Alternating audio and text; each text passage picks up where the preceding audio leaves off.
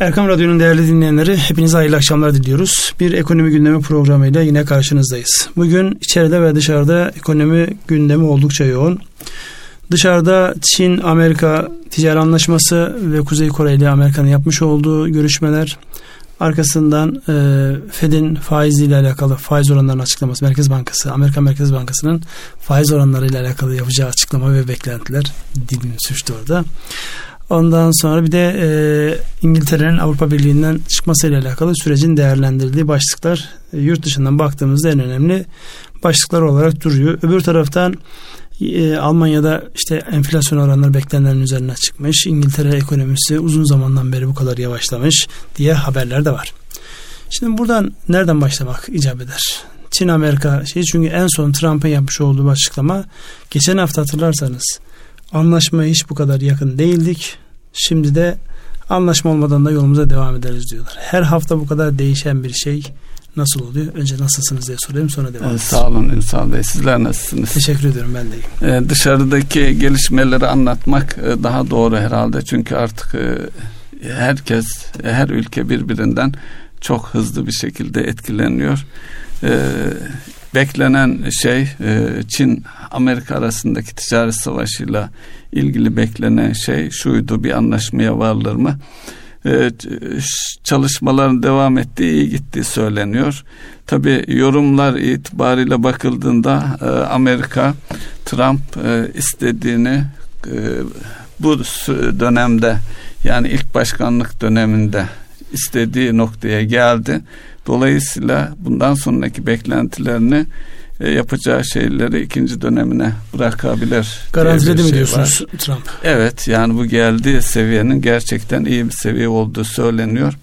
Tabii e, bugüne kadar küreselleşme bağlamında gelinen şöyle bir nokta vardı. E, yıllardır oturan Dünya Ticaret Örgütü'nün şekillenmesinde ve bugüne gelmesinde Trump'ın bu korumacı e, yaklaşımları ve politikaları nedeniyle acaba bu küreselleşmenin sonuna mı gelindi?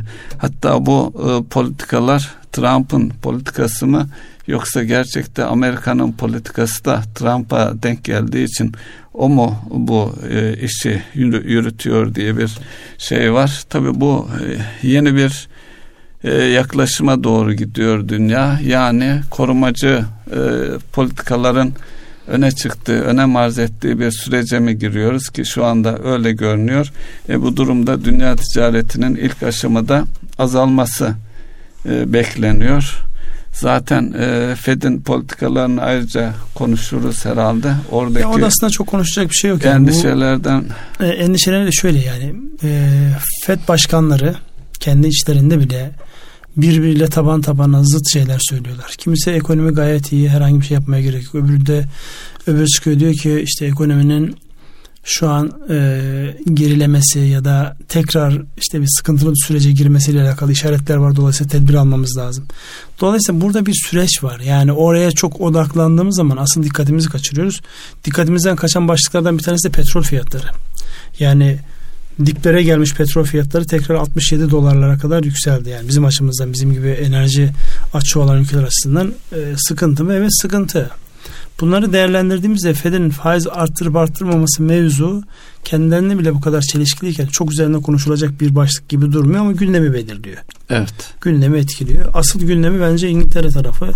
Çünkü e, baktığımızda İngiltere'nin Avrupa Birliği'nden çıkması İngiliz ekonomisini ne kadar etkiler sorusunun cevabı artık netleşmeye başladı. Evet. %8'lik bir küçülme bekliyorlar. Avrupa peki bundan ne kadar etkilenir? %1 bile etkilenmiyor. Dolayısıyla İngiltere herhalde şu an dizlerine dövüyordur. Ben ne yaptım böyle bir şeyi. İşte herkesin şu an şaşkınlığa oynadığı nokta şu.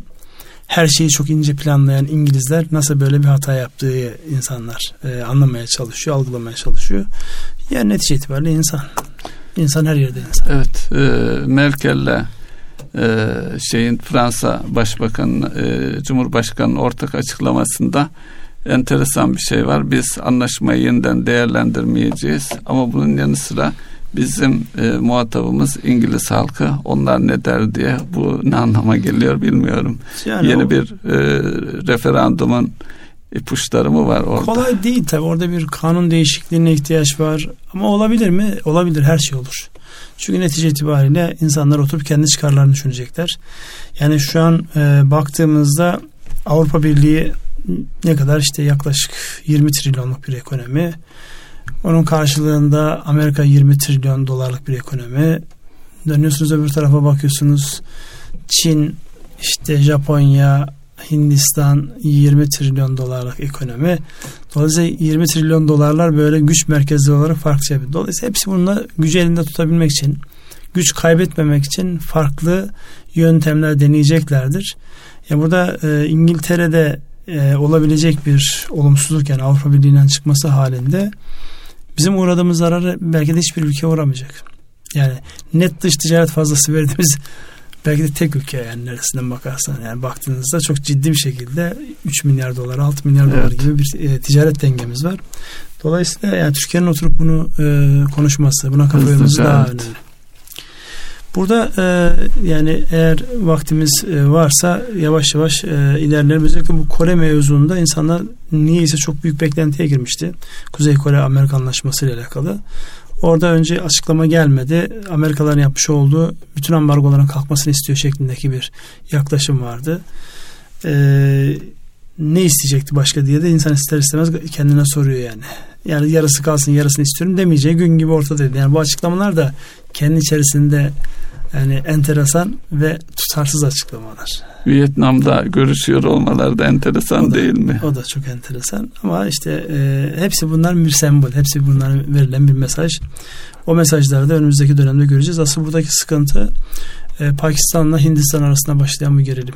Yani uzun zamandan beri ilk defa karşılıklı birbirlerinin hava sahasını e, geçiyorlar ve birbirlerinin uçaklarını düşürüyorlar. Evet. Dolayısıyla burada bir enteresan bir gelişme var. Öbür tarafta Çin'in e, Pakistan'daki yatırımları ve Hindistan'ın olabilecek kendisine karşı bir güç olarak ortaya çıkarmasını engellemek için Hindistan-Pakistan arasındaki bu güç dengesinde oraya ciddi yatırımlar yapıyor yani. inanılmaz yatırımlar yaptığını e, söyleyen insanlar. Limanları kiralıyor, satın alıyor, demir yolları döşüyor. Dolayısıyla Çin'den bir mal çok rahatlıkla e, Pakistan üzerinden denize ulaşıyor. Oradan da yani ana gidilecek olan pazar olan işte Avrupa'ya ve Afrika'ya diğer ülkelere çok rahatlıkla inebilecek. Hatta Körfez bölgesini yani Dubai'yi ve Birleşik Arap Emirlikleri'ni o bölgeyi devre dışı bırakabilecek gelişmelerden bahsediliyor. Çin'i bu anlamda e, çok istekli ve zihnini net olarak görmek lazım. Hatırlarsanız daha önceden de Yunanistan'da Pire Limanı'nı yani en büyük evet. gemilerin yanaştığı Pire Limanı'nı satın almışlardı. O kriz döneminde işte öyle bir e, fırsatı değerlendirdiler. Dolayısıyla dünya ticareti ve güç gösterileri farklı bir boyut kazanıyor önümüzdeki dönemde onların Peki burada şey de konuşuluyor bu e, İpek yolu dolayısıyla demir yoluyla Londra'ya kadar bir hat birleştirildi. Bu da kimin işine yarıyor, kimi tehdit ediyor? Çünkü e, deniz yoluyla 2-3 e, aylık e, lojistik mesafesi e, 20-30 gün arası bir süreye iniyor. Dolayısıyla bu İpek yolu üzerindeki ülkelerin kimi olumlu etkileyecek, kimi olumsuz etkileyecek. Daha doğrusu bu yeni İpek yolunun e, meydana çıkardığı fırsatları ve tehditleri ülkeler nasıl algılayıp yönetecek? Ondan öte biz e, tam da kavşak noktasındayız. Dolayısıyla bundan nasıl istifade ederiz? Bize gelen tehditler neler? Ya burada çok e, iyi işlenmiş bir stratejinin yansıması var. İşte o kuşak ve yol projesi dedikleri e, Çinlilerin yani kendi ülkelerinden başlayıp Londra'ya kadar bütün süreci İpek yolu üzerinden giderek getirdikleri bir süreç var ve birçok istasyonunu halletmiş durumdalar aslında. Yani Pire Limanı'nı satın almış evet. olmaları, aradaki birçok engel olabilecek yerlere geçmeleri, işte İran'ı bir şekilde o işin içerisine sokmaları. Baktığımızda işte Pakistan e, az önce dediğimiz gibi yani çok yoğun bir şekilde Çin'e borçlu. Yani borçlu bir ekonomi ve Çin'e borçlu. Onun karşılığında da Çin'in o büyük stratejisi çerçevesi içerisinde her türlü e, isteğe razı gelen bir yaklaşım söz konusu. Çin'le baş edebilecek nüfus itibariyle tek ülkede Hindistan görünüyor. Evet ve şu an siz ne yapıyorsunuz? Rakibiyle iş tutuyorsunuz. Bu arada tabii e, bir şeyi daha gözden kaçırmamak lazım. Ne anlama geliyor uzun vadede göreceğiz. Suudi Arabistan Veliaht Prensi'nin e, Pakistan ve Hindistan ziyareti peş peşe. Pakistan'a 20 milyar dolar, Hindistan'a 100 milyar dolarlık yatırım sözü vererek döndü orada. Yani oradaki kurgulanan oyun yani Hindistan e, Çin oyunu gibi değil. Yani bir tarafta Amerika'nın bir tarafta İngiltere'nin olduğu. He, öbür arkada, tarafta e, Suudlar yalnız değil orada. Suudlar sadece orada görüntüde gidin vazifeniz yani sizin hala kalmanız için size vereceğimiz e, desteğe gereği olarak bir şeyler yapın gibi bir görüntü var orada. Tabi elde çok fazla done olmayınca bunu o kadar rahat söylemek de mümkün değil. Büyük bir denge var orada. Bizim bu açıdan e, elimizde ne var? Bizim de Orta Yol diye bir projemiz var biliyorsunuz. Ta Kırgızistan'dan başlayıp şeye kadar e, Boğazlar üzerinden Londra'ya giden bizim bir orta, orta yol projemiz var. O proje bir şekilde işliyor. Evet. Yani e, Bakü, Tiflis, Kars demiryolunun yapılmış olması, oradan Anadolu üzerinden boğazlardan da geçerek e, Avrupa'nın... Onun testi bitti sanıyorum. Evet. E, bu ay içerisinde açılıyor olacak. Yük taşımacılığı hemen başlar mı bilmiyorum. İşte bir, yani hiç kimse boş durmuyor. Herkes çalışıyor. Kimisi daha büyük oynuyor, daha büyük e, hacimlerle ve yani ekonomik gücünü, siyasi gücünü, işte Birleşmiş Milletler'deki pozisyonunu bilmem neyi kullanarak farklı şey alırken öbür tarafta bizim gibi bu coğrafyada söz sahibi olmak isteyen ve oyun kurmak isteyen herkesin dikkat almak zorunda olduğu bir ülkeyi ülkede kendi oyununu kurmaya çalışıyor. Ee, ömrümüz vefa ederse bunların hepsinin uzayan zaman içerisinde nereye gideceğini hep beraber göreceğiz. Biraz içeri gelelim mi? Evet. İçeride e, ne var? Dış ticaret dengesi var. Dış ticaret dengesinde şöyle rakamları ben söyleyeyim. Siz alt yorumunu yapın. E, 2018 Ocak'ta e, 12 milyar 400 milyon dolar olan ihracatımız 13.1 milyar dolar gibi bir rakam ulaştı. Yani orada 5.9'luk bir artış var. İthalatta e, 21 milyar 500 milyon dolardan 15 milyon 600 milyon dolara kadar geldi. Orada da %27'lik bir e, gerileme var. Yani net rakamlara baktığımızda oldukça ciddi özellikle ithalatın e, sert düşüşünden dolayı Ocak ayında dış ticaret dengesinde lehimize bir gelişme var. Artıda değiliz hala ama lehimize olan bir denge var. Bunu şimdi ve bundan sonraki süreçte nasıl yorumlamak gerekir diyoruz. Siz onu söyleyin. Bu arada ben de bir taraftan şeye bakıyorum. Hangi ülkeler var diye bakıyorum. İhracatta yine Almanya bizim en önemli partnerimiz. Öbür taraftan baktığımızda işte İtalya var. Ee, Birleşik e, Krallık var, İngiltere var. Az önce de söyledik yani bizim en önemli dış ticaret fazlası verebildiğimiz ülkelerden bir tanesi. İthalatta da her zaman olduğu gibi Rusya enerjiden, enerjiden ötürü. Dolayısıyla e, Çin ve yine Almanya. Almanya hem aldığımız hem sattığımız bir ülke. Dolayısıyla iki taraflı ortağımız. Tabii ihracatta ciddi bir e, bu son süreçte farkındalık da oluştu. Yani e, Türkiye tüketici, tüketime dayalı hızlı bir büyüme süreci geçirmişti 2017'den itibaren. Dolayısıyla e, şu anda ihraç yani e, iç piyasa her zaman firmalar için cazip olmuş idi. Şimdi e, firmalar e, tabii firma özelinde daha alt şeyde bakmakta yarar var. Makro rakamlar zaten ortada. Dolayısıyla ihracat noktasında oldukça firmaların artan bir ilgisi var çıkış olarak da e, firmalar kendi açılarından yurt dışına yapılacak ihracatı görüyorlar. Tabi bunun e, önümüzdeki e, süreçte belki bu yıl ikinci yarıdan itibaren sonuç almaya başlayacaktır. Bu işe e, ihracata yeni giren firmalar açısından önümüzdeki yıl daha da hızlı bir büyüme e, ihracat tarafında olur. Tabi ithalattaki azalma bir soğumaya tekabül ediyor. Daha önceki e, sanayideki daralma ve kapasite kullanımlarındaki gelişmeler de bunu gösteriyordu. Yani bu e, süreçten yani ithalat yapmaya şu an itibariyle belli tüketim e, mallarını hariç tutar isek özellikle yatırım ve ham madde, yarı mamul madde e, ihracatımızda, üretimimizde ona dayalı hale gelmiş durumda. Bunun için ithalatımız devam etmek zorunda. E, tabii bu arada e, yani yatırım sürecine girebilmemiz için de ülkenin e, kredi imkanlarının yine dönüp dolaşıp geldiğimiz nokta kredi genişlemesine ve finansman maliyetlerinin makul seviyelere inmeleri e, gerekiyor. Tabi bu arada daha önce yoğun olarak kullandığımız e, ülke olarak ülke kredileri vardı e, Ünsal Bey. Oradaki gelişmelerle tekrar e, ülke kredileri bağlamında bir takım e, sanayi yatırımları, e, makine yatırımları tekrar başlayabilir mi? Çünkü Türk lira e, finans maliyetleri makul değil ama e, orada makul oranlar yakalanabilir mi firmalar özellikle şu e, üçüncü, ikinci ve üçüncü çeyrekten itibaren yatırım imkanlarını e, hele hele ihracata dönük olarak düşünmeye başlarlar mı acaba? Şimdi burada yurt dışından e, sağlanacak kaynaklardan önemli bir başlık ülke kredileri. Her ülke kendi malını satmak noktasında isteklidir. Yani biz de Türk Exim Bank olarak e, müteahhitlerimiz başta olmak üzere yurt dışında iş yapan firmalarımıza çok ciddi destekler veriyoruz.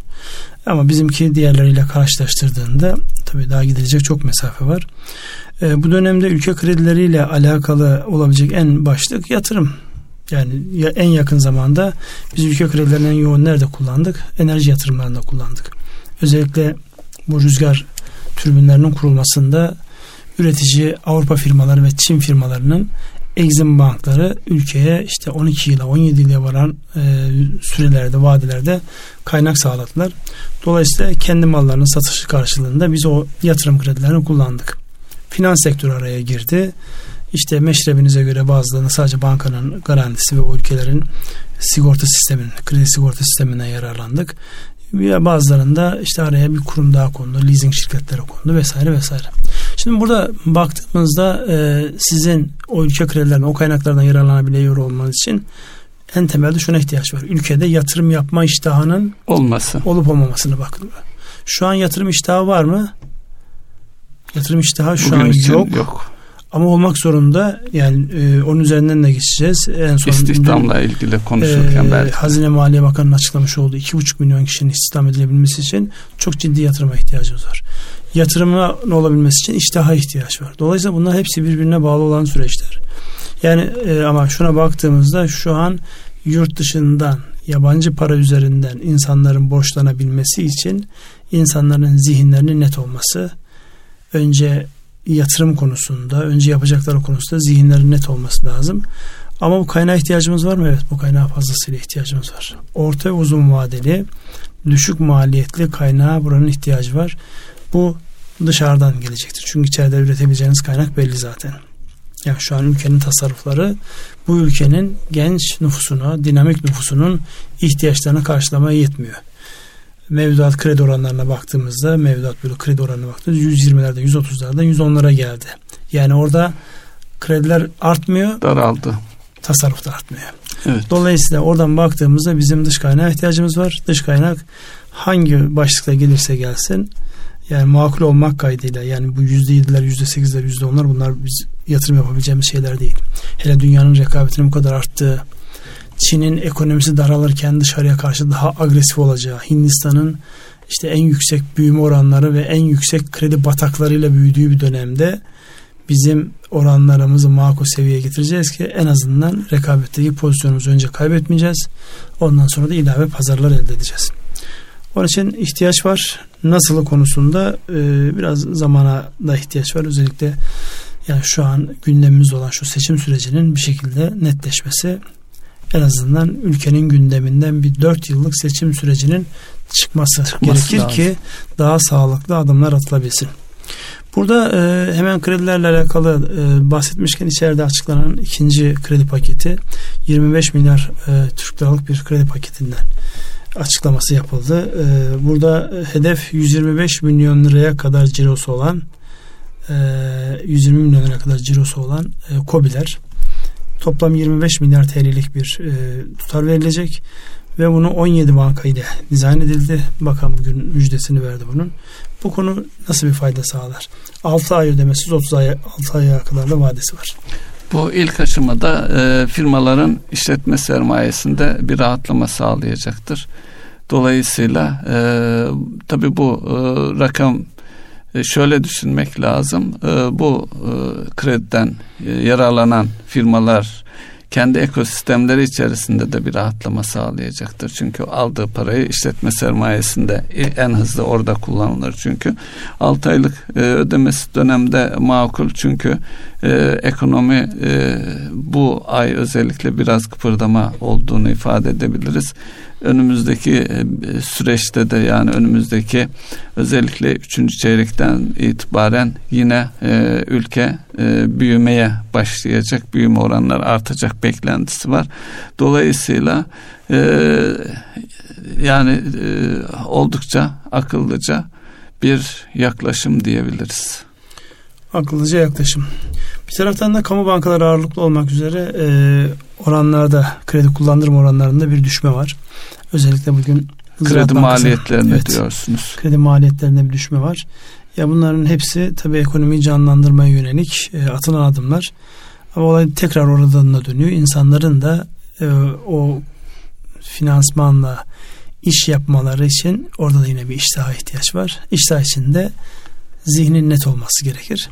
Dolayısıyla birbirine böyle bağlı devam eden bir mekanizma. Ama şu da var bankacılarında duyuyoruz piyasada artık kredi verelim diye firmalar dolaşmaya başlamışlar. Bu daha önce e, olmayan bir şeydi. Bu da kredi büyümesine yönelik olarak bankalarında artık iş yapma ihtiyacı, e, iştahının başladığını ifade edebiliriz. Siz ne dersiniz? Evet orada e, gerçekten enteresan. Özellikle Ocak ayındaki o e, tutucu ve karamsar havadan Şubat ayına geçtiğimizde Şubat'ın 15'inden itibaren e, çok net bir şekilde insanların artık yani özellikle bankacıların artık dışarı çıkın, müşteri kovalayın, yeni bir evet. müşteri getirin.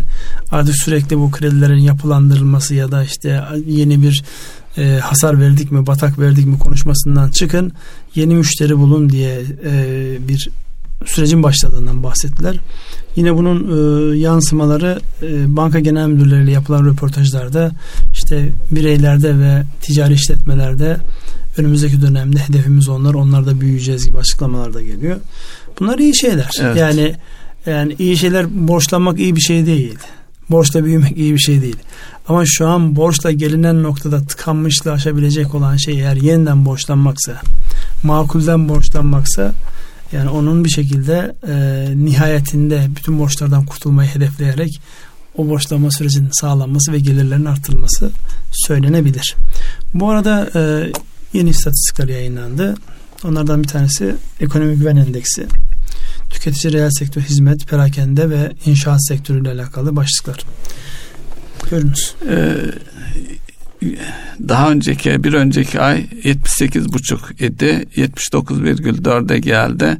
Yani ekonomi güven endeksinde artış var. Bunun daha önceki e, program programlarda değerlendirmiştik. Tüketici güven endeksi, e, reel kesim güven endeksi, hizmet, e, parakende ve inşaat sektörü güven endekslerinin bileşiminden çıkan bir endeks. Dolayısıyla bu Şubat e, endeksi de e, işlerin pozitife döndüğünü gösteriyor. Onun altına Burada en kötüsü gerekiyor. olan Ekim 2018'deki 75.2 ile değerlendirdiğimizde 79.4 evet insanların e, netice itibariyle bu bir anket e, sistemi insanların olaya daha bir pozitif baktı. Yani Ekim ayı ile karşılaştırdığımızda ondan sonra zaten bir 80-81'e çıkması var. Tekrar bir 78 Ocak'ta, evet. Ocak'ta. Çünkü insanlar Ocak'ta daha bir yani yeni yıla başlarken daha bir büyük beklenti vardı. O beklentiler nispeten karşılanmayınca daha olumsuzdan başlayıp ama hemen Şubat ayında e, yani Ekim'le karşılaştırdığında nispeten çok daha iyi. Ocak'ta karşılaştığında da iyi bir oranın e, karşımıza geldiğini görüyoruz. Peki alt kırılma açısından baktığımızda en önemli e, unsur olan e, inşaat sektörü ne diyor?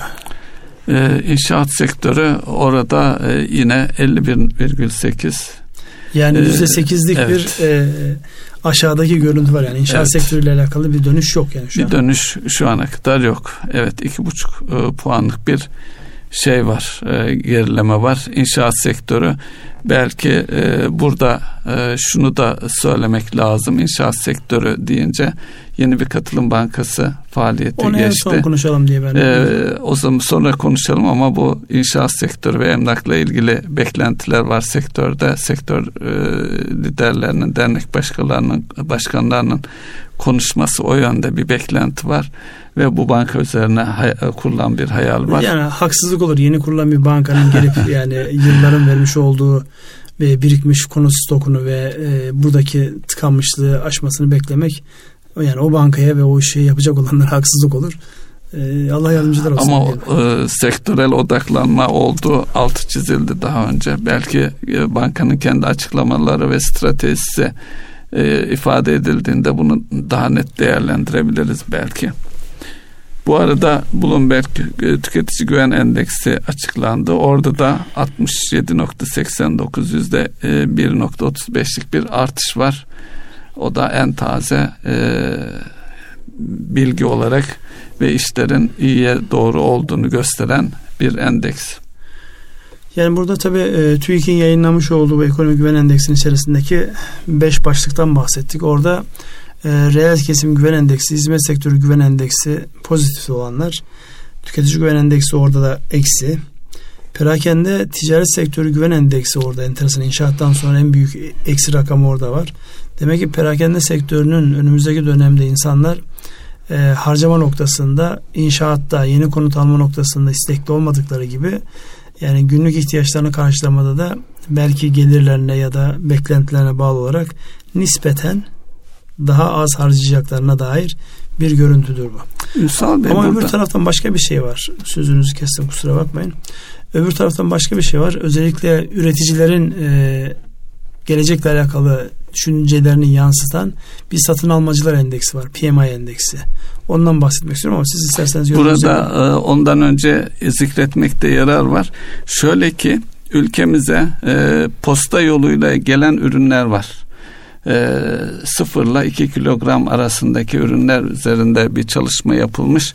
Bunların parasal değeri 20 milyar TL bir yılda. Yani e, çeşitli internet yoluyla e, sanal marketlerden yapılan al- alışverişlerle Türkiye'ye gelen ürünler. Bu da 20 milyar. 20 milyar TL'lik TL. bir e, ürün. Yani baktığımızda 4 milyar dolarlık bir kalem oradan e, bu vergisiz vergisiz nereden alıyor bunu? Türkiye'deki parakende sektöründen alıyor. İçinde elektronik eşya olabilir her türlü eşya olabilir.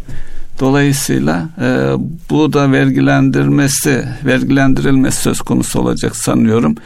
E, Hazine ve Maliye Bakanlığı'nın bir çalışması belki e, o da vergilendirilirse e, en azından rekabet açısından dahildeki e, Tabii orada biraz daha için- dataya ihtiyaç var. Yani alınan nedir? Bunun da e, hangi sektörler etkileniyor? Yani şimdi orada e, ben şunu biliyorum. Özellikle son dönemde tanıştığım çok böyle yetenekli girişimci gençler var.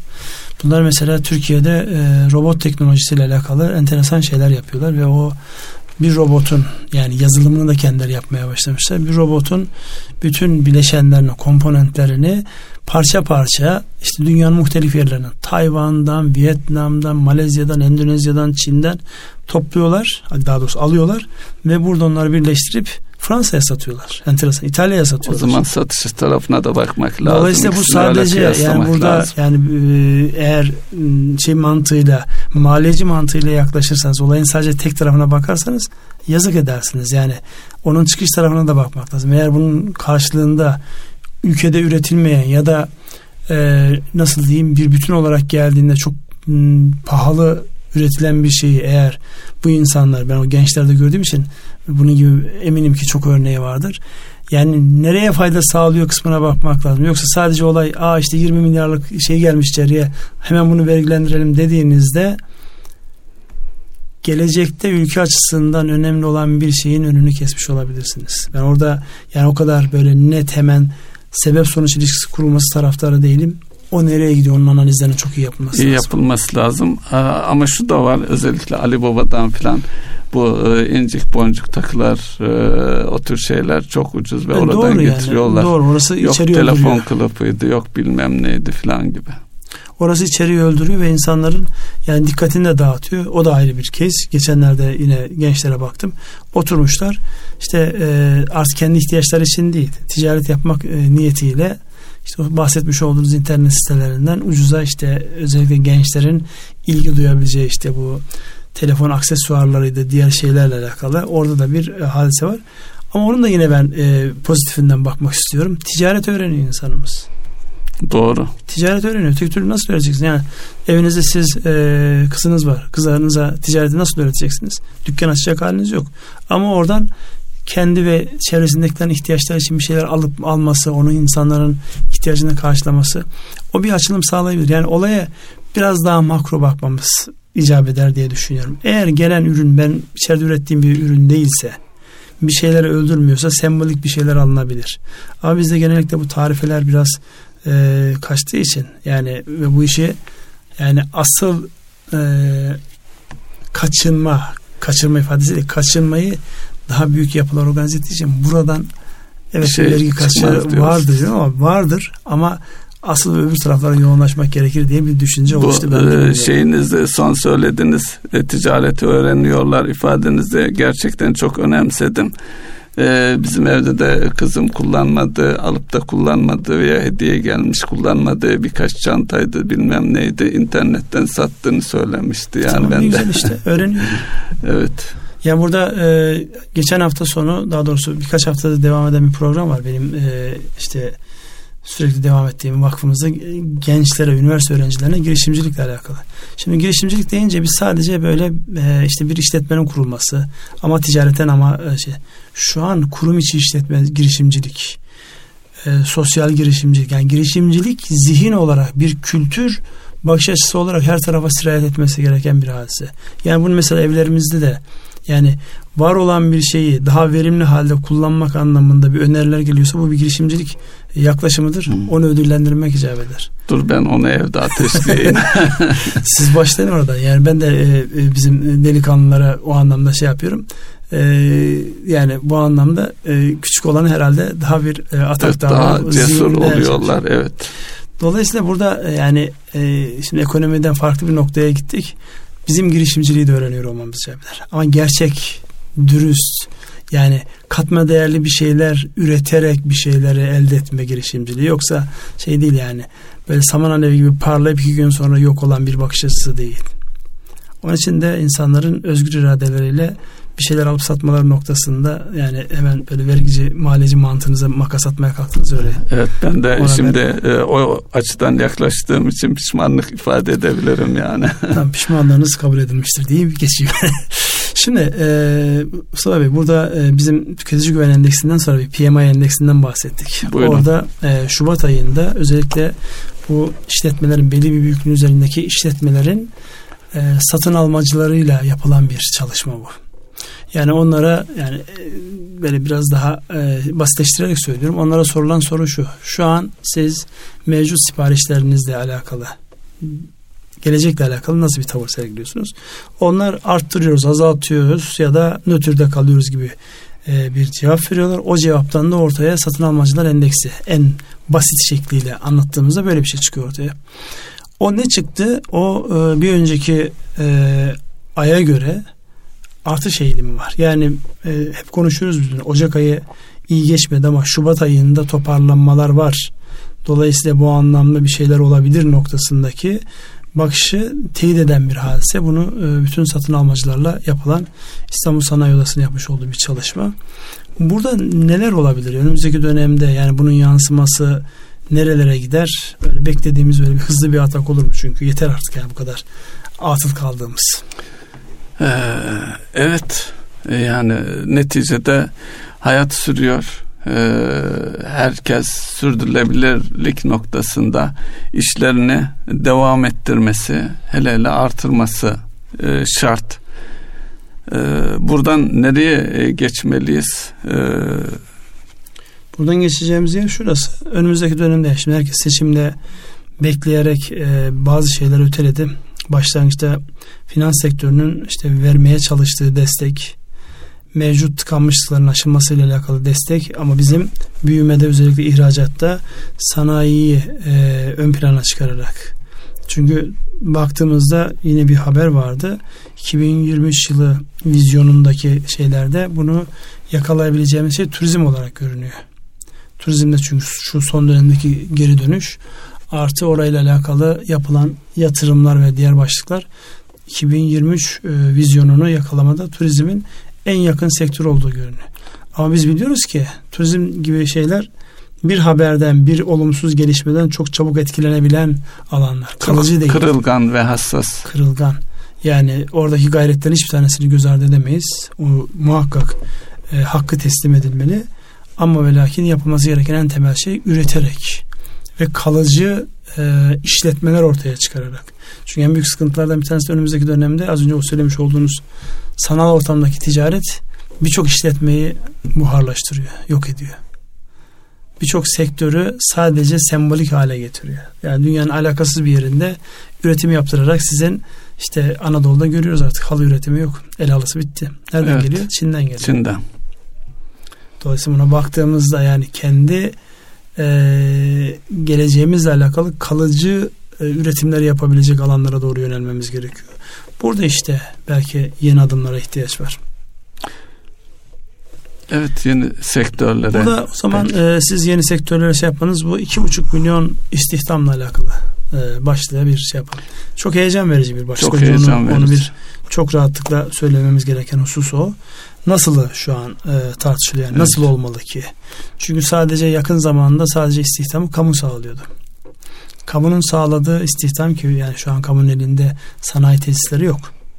Ağırlıklı olarak işte devlet hizmetlerinin yürütülmesiyle alakalı hizmet sektörüne yönelik istihdam sağlanıyor. Ama bütün vurgumuz yani sadece bizim değil bütün e, ekonomiyle pi- piyasayla ilgilenen herkesin temel vurgusu ne? Ekonominin geri dönüşü üretimle olur. Şimdi katma değerli üretimi sağlayacak yeni yatırımlarımız, yeni bakış açılarımız ve bu kadar iddialı bir e, istihdam şeyi. Yani rakam olur olmaz kısmını e, konuşmanın bir anlamı yok. Burada bir niyet var. Yani niyete baktığımızda yeni istihdamı sağlama konusundaki bu niyet nasıl tahakkuk eder sorusunun cevabını aramamız lazım. Ee, tabii böyle bir niyet başlı başına her şeyden ağrı önemli bir e, hedef. E, evet. E, böyle bir hedef konulmuş olması bile. Çünkü e, 12.3 seviyesinde bir işsizlik oranımız vardı. Artacak biraz. E, birazcık artacağını çünkü e, geçen yılın e, Kasım Aralık ayları da Aralık ayı da geliyor olacak. E, biraz daha artacak görünüyor.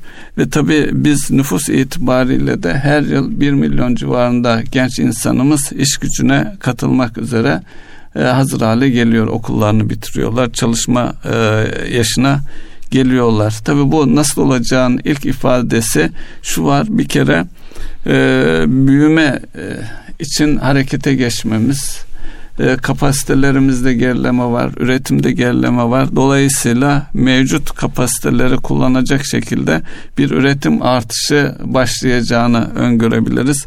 Bunun için ihtiyaç duyduğumuz şey en önemli şeylerden bir tanesi de tabii finansman imkanları. Ee, burada da sadece finansman imkanları yetmiyor. Bunu az önce de e, üzerinden e, konuştuk. E, finansman maliyetleri de e, geriye gelmesi bekleniyor. Belki bu aşamada enflasyondaki gelişmelere değinilebilir. Yani önüm zaten e, e, orta vadeli planda e, zikredilen bu yılla ilgili 15,9'luk bir enflasyon oranı hedef vardı enflasyonumuzu neler etkileyecek diye bakıldığında şimdi fiyatlarla ilgili yüzde 7 e, TL'lik dolar kurundan belirlenmiş fiyatlar olduğu için fiyatların geri gelmesinde biraz sıkıntılar yaşanıyor. Zaten bunu e, e, kamu otoriteleri de zaman zaman dile getiriyor. Bu şu anlama gelir fiyatlarda gerileme olmasa bile fiyatlarda bir artış olmayacak. Geriye kalan da e, e, belirleyici olan e, döviz e, yani finansman imkanları daha doğrusu e, cari açık buna yönelik gelişmeler belirleyecek. Bir ikincisi de tabii bunun da ana nedenlerinden de enerji fiyatları, petrol fiyatları ve buna dayalı diğer enerji fiyatlarının ne olacağı. Dolayısıyla e, şu anki e, enerji fiyatları seviyelerinde kaldığı düşünülürse e, bu enflasyonun daha da aşağıya yani 15'in altına gelmesi söz konusu olabilir. Tabi burada bir de gıda fiyatlarındaki e, sıra dışı dalgalanmaların da etkisi olacak. Dolayısıyla enflasyon geriye geldikçe finansman maliyetleri de onunla doğru orantılı olarak aşağı doğru gelecek ve önümüzdeki süreçte e, kredi büyümesiyle birlikte e, işlerin açılacağını e, öngörebiliriz. E, Şimdi, ki o istihdam seviyesini yakalayalım. Tabii olay kredi büyümesine endekslenince yine geldik kaynağın girişine. Kaynağın girişi açısından özellikle ülkenin arz ettiği e, görüntünün çok net bir şekilde e, pozitife dönüyor olması icap eder. Geçen hafta hatırlarsanız burada e, değerlen, derecelendirme kuruluşunun Türkiye ile alakalı yani e, kırılganlıkla alakalı e, kaygılarından bahsettiğini söylemiştik. Dolayısıyla e, bizim şu gündemimizdeki seçim başlığı çıktıktan sonra herhalde yapmamız gereken en önemli şey bankacılıkta kullanılan bir road show dediğimiz bir şey var ya bütün e, yatırım imkanı olan herkese gidip bunları anlatabilmekle alakalı e, bir şey var. Tanıtmak. E, tanıtmak var. E, sizin yayından önce söylediğiniz bir şey vardı. Türkiye'de yatırım olan bir otomotiv firmasının ziyaretiyle alakalı. Yayında mı söylediniz yoksa? Ee, öncesinde konuşmuştuk Ünsal Bey. Mesela bu tip ziyaretlerin yapılarak o insanların stratejilerinde bir e, olumsuzluk varsa onu olumluya çevirmek, nötrlük varsa onu olumluya çevirmek, ülkenin bu anlamda potansiyelinin e, hangi seviyede olduğunu, neler e, verebileceğini çünkü gerçekten önümüzde 4 senenin üzerinde seçimin gündeme gelmediği zihinlerin bu anlamda yani siyaseten zihinlerin net olduğu bir döneme giriyoruz. Burada içeride ve dışarıda sağlanacak bu tip e, gelişmeler pozitif insanların algılısını sağlayacak, ülkeye yatırım yapacak, ülkenin bu anlamda gündeminin e, siyasette kesilmeyeceği gibi çünkü son 3-4 yıldır her sene seçim yaşadık. Her evet. birkaç ayda bir seçim yaşadık. Dolayısıyla onun olmuyor olması önemli. Çünkü bizim sadece kendimizin iyi olması yetmiyor yöneldiğimiz piyasaların da çok iyi olması lazım. Ben notlarımda vardı onu görmemişim şimdi fark ettim. Avrupa bölgesinde bu satın almacılar endeksinden bahsettik. Türkiye'de evet. iyiydik. Avrupa Birliği'nde olan ne biliyor musunuz? Son evet, 6 yılın evet. en sert düşüşünü yaşamış. Dolayısıyla az önce ihracat rakamlarından bahsediyoruz. En önemli ihracat yaptığımız ülke eğer Almanya ise Almanya'da Avrupa'nın e, kalbi beyni ise dolayısıyla oradaki gelişmeler bizi çok etkileyecek. Yani tek bir piyasaya, tek bir alana yönelerek bizim ihracatımız önemli bir kalem ama tek bir piyasaya yönelerek ihracatımızı büyütme şansımız yok. Alternatif bütün piyasalar yani Latin Amerika'sından Kuzey Amerika'sına, Avrupa'nın bütün ülkelerine, Afrika'sına yani şu an bize değil İngilizlere uzak olup ama bizim de dil alışkanlığından dolayı uzak doğu, doğu dediğimiz bölgeye Türkiye Cumhuriyetlerine yani piyasa olabilecek her alana yönelmemiz icap eder. Ünsal Bey burada önemli bir şey söylediniz. Roadshow'dan bahsettiniz. Şimdi Türkiye'nin 2019'daki büyümesiyle ilgili yabancı finans kuruluşları e, eksi negatif büyüme öngörüyorlar. İçerideki finansal kuruluşların da hepsi pozitif e, büyüme öngörüyorlar. Dolayısıyla ülkenin dışarıdan görünüşü yani Londra'da bir takım finans merkezlerinde kendi masasında oturan insanların önündeki birkaç e, istatistik ve rakamlar üzerinden Türkiye bir e, Türkiye'yi hayal edip bir şeyler söylüyorlar. Dolayısıyla siz profesyonel hayatta da e, sorumlu olduğunuz bir alanda özellikle e, finans kuruluşunu e, tanıtma noktasındaki e, çalışmalar onunla birlikte genel bir değerlendirme yapsanız. Şimdi oradaki değer, yapılacak değerlendirme en temelinde şu var. Kiminle temas ediyorsanız onun fikriyle fikirleniyorsunuz. Günlük hayatımızda da öyle değil mi? En yoğun kiminle haşır neşirsek ne kadar fark edelim etmeyelim başka ortamlarda o kişilerden etkilendiklerimizi bir şekilde kendimize mal ediyoruz ve onları kullanıyoruz. Dolayısıyla uzun yıllar daha önceden bir programda bahsetmiştim. Mesela Japonlar uzun yıllar Türkiye'den uzak durmuşlar. Sebebi şu. Japonya'da bu anlamda büyük yatırım yapacak olan e, bankaların, yatırım bankaların rapor aldıkları İsviçre'de bir firma. O İsviçre'deki firmanın sahibi eski Türkiye'den göçmüş azınlık ve muhalif olan şeyler ve Türkiye ile alakalı hiçbir olumlu rapor vermemişler. Dolayısıyla rapor olumsuz geldiği için yatırımcı bakmış yatırım yapılacak ülkeler arasında 180 tane 200 tane ülke var. Bakmış negatifler hangisi onlardan bir tanesi Türkiye hiç dönüp bakmamışlar bile.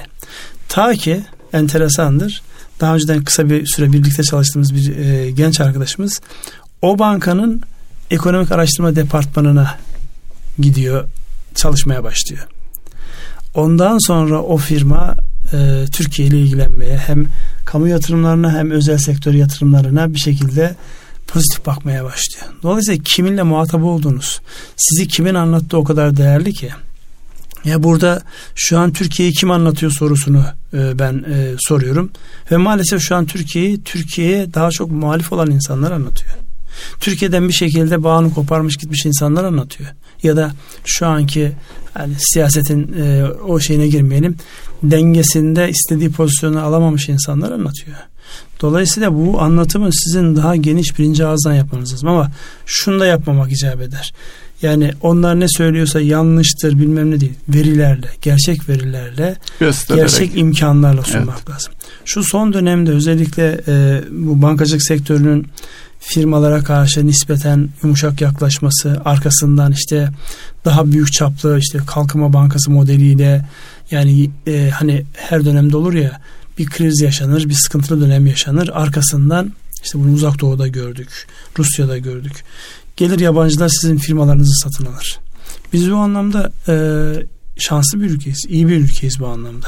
Kendi yatırımcılarımız da yapıyor ama kendi yatırımcılarımız hele biraz daha bekleyelim diye giriyor. E, yabancı da bu anlamda hareket etmeyince değerler otomatik olarak aşağı geliyor. Arkada düşünülmüş bu finans sektörüyle beraber düşünülmüş bu pozitif havanın eylemlerle ve yurt dışından size kaynak sağlayacak iş ortaklığı yapacak olan insanlara da doğru anlatılıyor olması lazım. Ben şey bekliyorum seçim sonrası açıkçası e, çok yoğun hani iş adamlarıyla uçaklar dolusu iş adamlarıyla yurt dışında o tip şeyler bekliyorum. Geziler bekliyorum. Ona evet. ihtiyacımız var iki gerekçeli ihtiyacımız var. Moral motivasyon açısından ihtiyacımız var. Yeni iş almak açısından ihtiyacımız var. Ve aynı zamanda e, ülkemizde de yurt dışındaki iş adamlarının her ülkeden yoğun olarak gelmesini de sağlamak lazım. Kesinlikle. Karşılıklı oluyor Kesinlikle. zaten bunlar.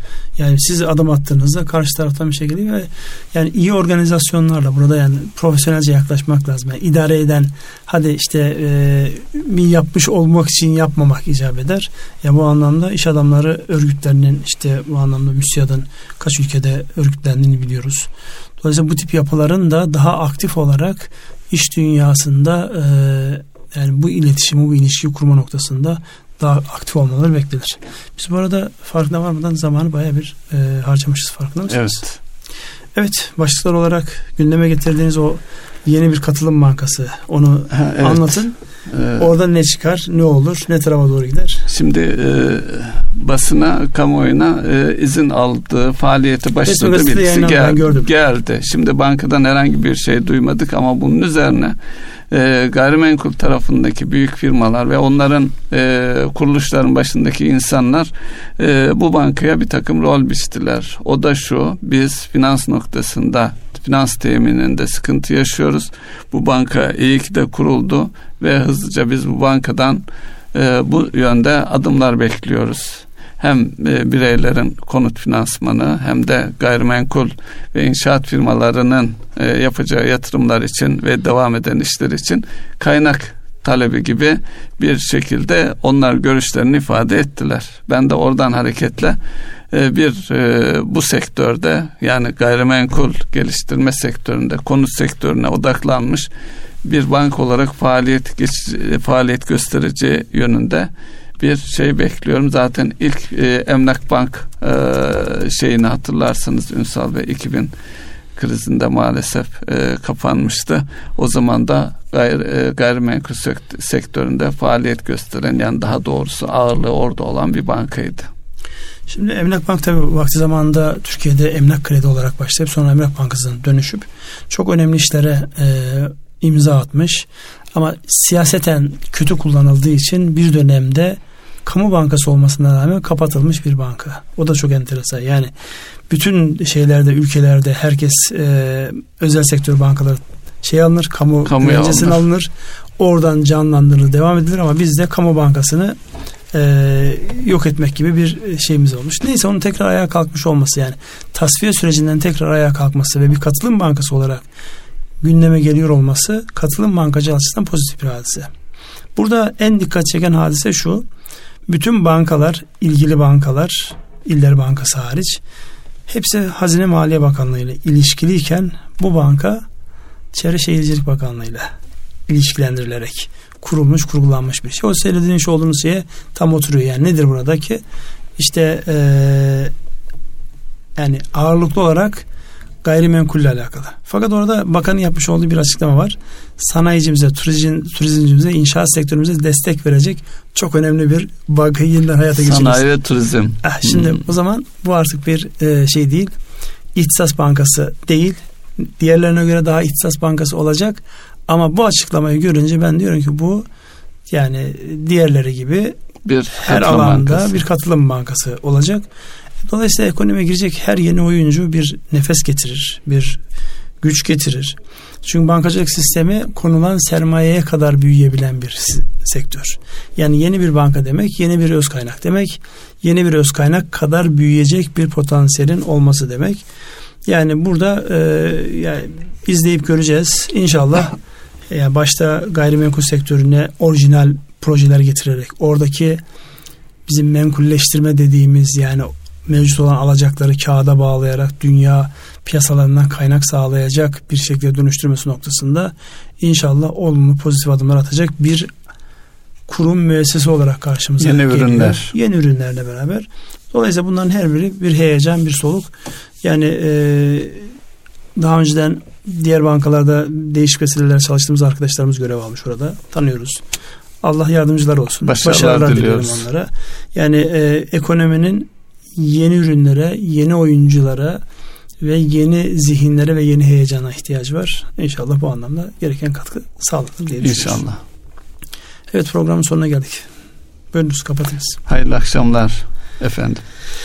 Erkam Radyo'nun değerli dinleyenleri bir ekonomi gündemi programının daha sonuna geldik. Sürçü lisan eylediysek affola. Hepinize hayırlı akşamlar diliyoruz.